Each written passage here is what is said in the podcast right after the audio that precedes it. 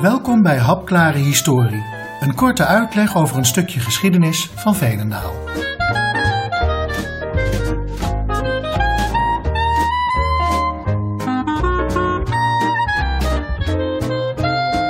Op 30 juni viert de gemeente Veenendaal een jubileum.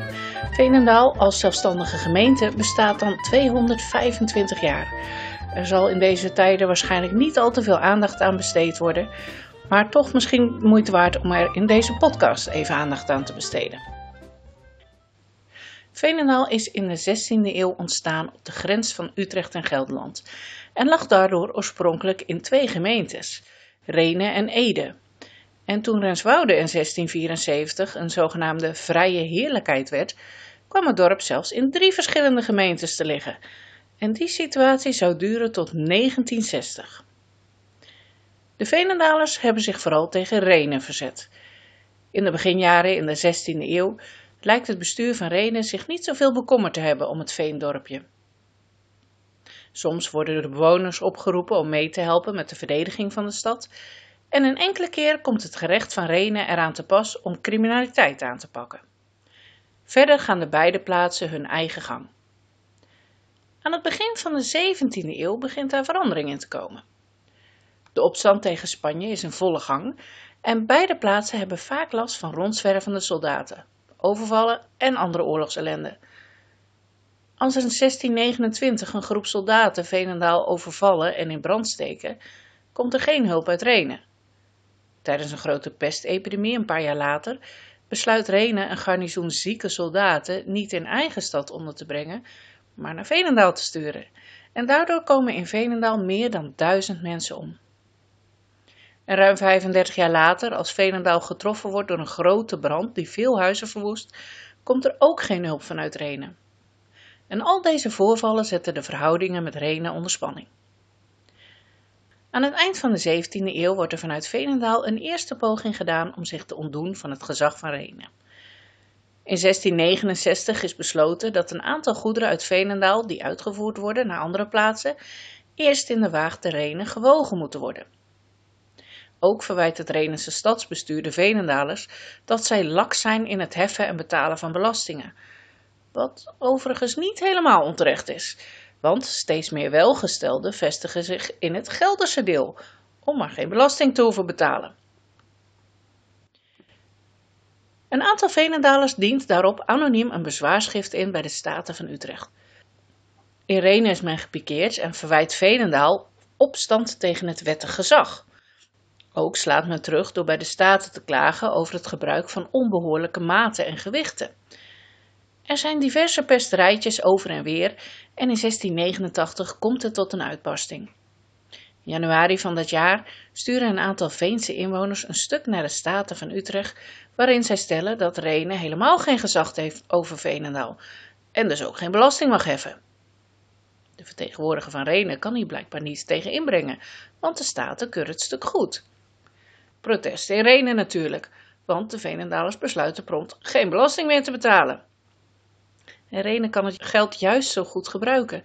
De stad is na alle oorlogen in de 17e eeuw verarmd en de verdedigingswerken liggen in puin.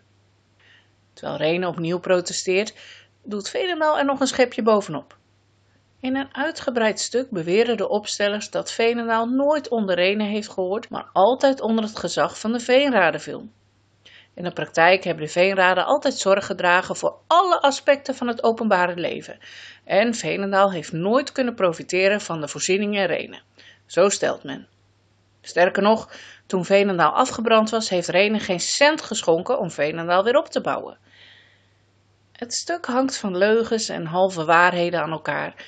En dat weten de opstellers zelf eigenlijk ook wel, want niemand durft zijn naam eronder te zetten. Men is wel zo slim om Renen hiervan geen kopie te sturen. Het zal drie maanden duren voordat het stadsbestuur een kopie kan bemachtigen.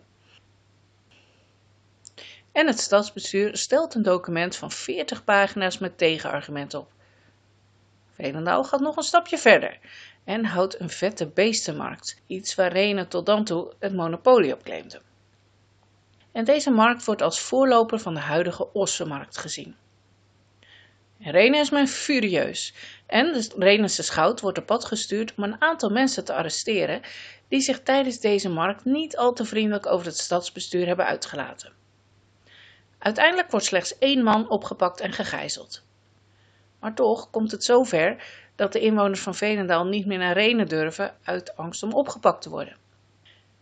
Uiteindelijk nemen de staten een beslissing. Renen wint. Veenendaal moet gewoon belasting afdragen aan Renen. Alleen, die belastingen mogen niet zomaar verhoogd worden zonder toestemming van de provincie.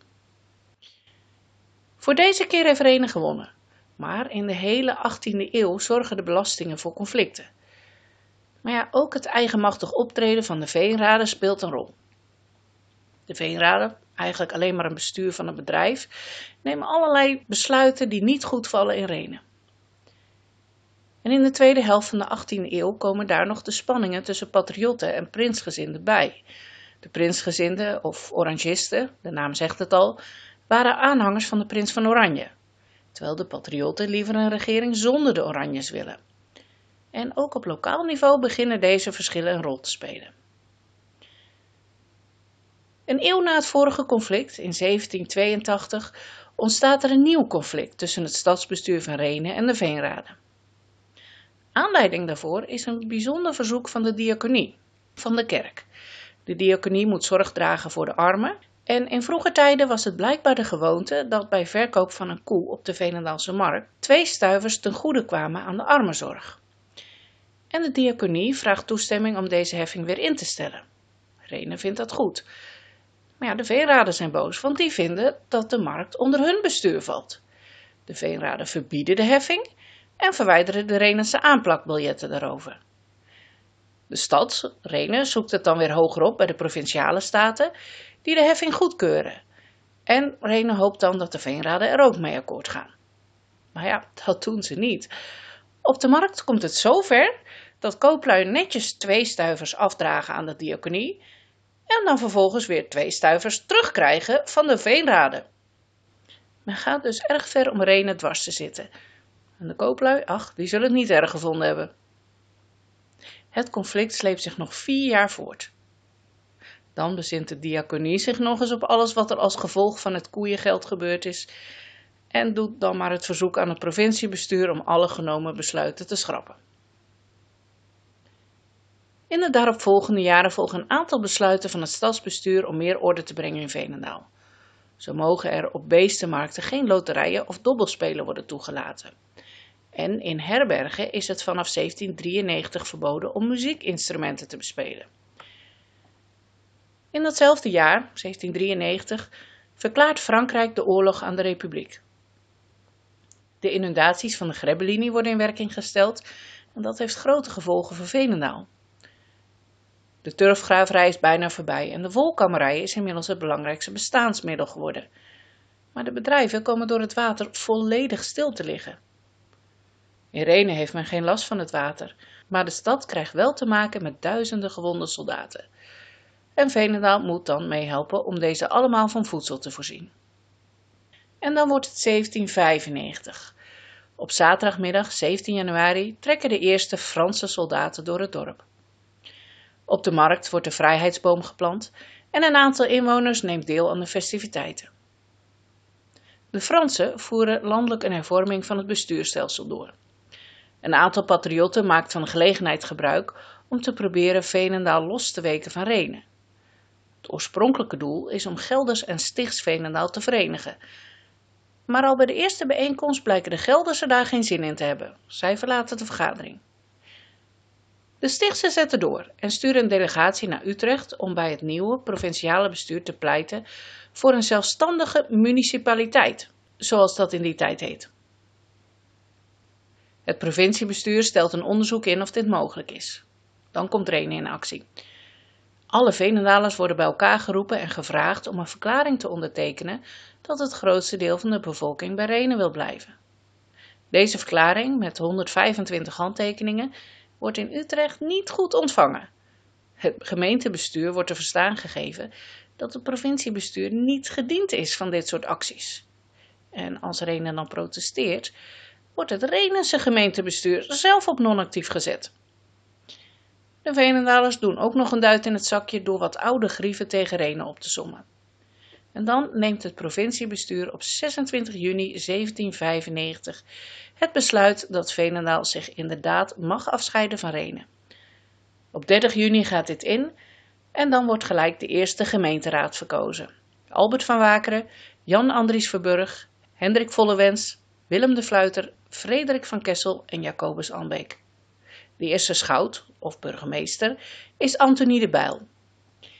En het eerste besluit van de nieuwe raad is om een plakkaat uit te vaardigen tegen de vernieling van de vrijheidsboom. Blijkbaar zijn niet alle Veenendalers even blij met de Fransen en het nieuwe dorpsbestuur. En in een van de volgende vergaderingen besluit de raad een brief naar Renen te sturen met de mededeling dat Veenendaal in het vervolg zichzelf zal besturen.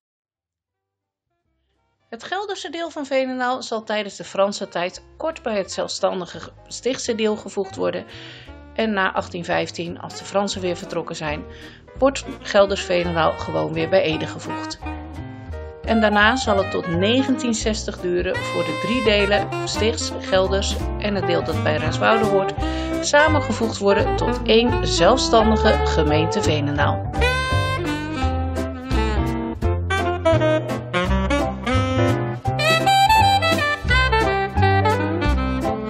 Bedankt voor het luisteren.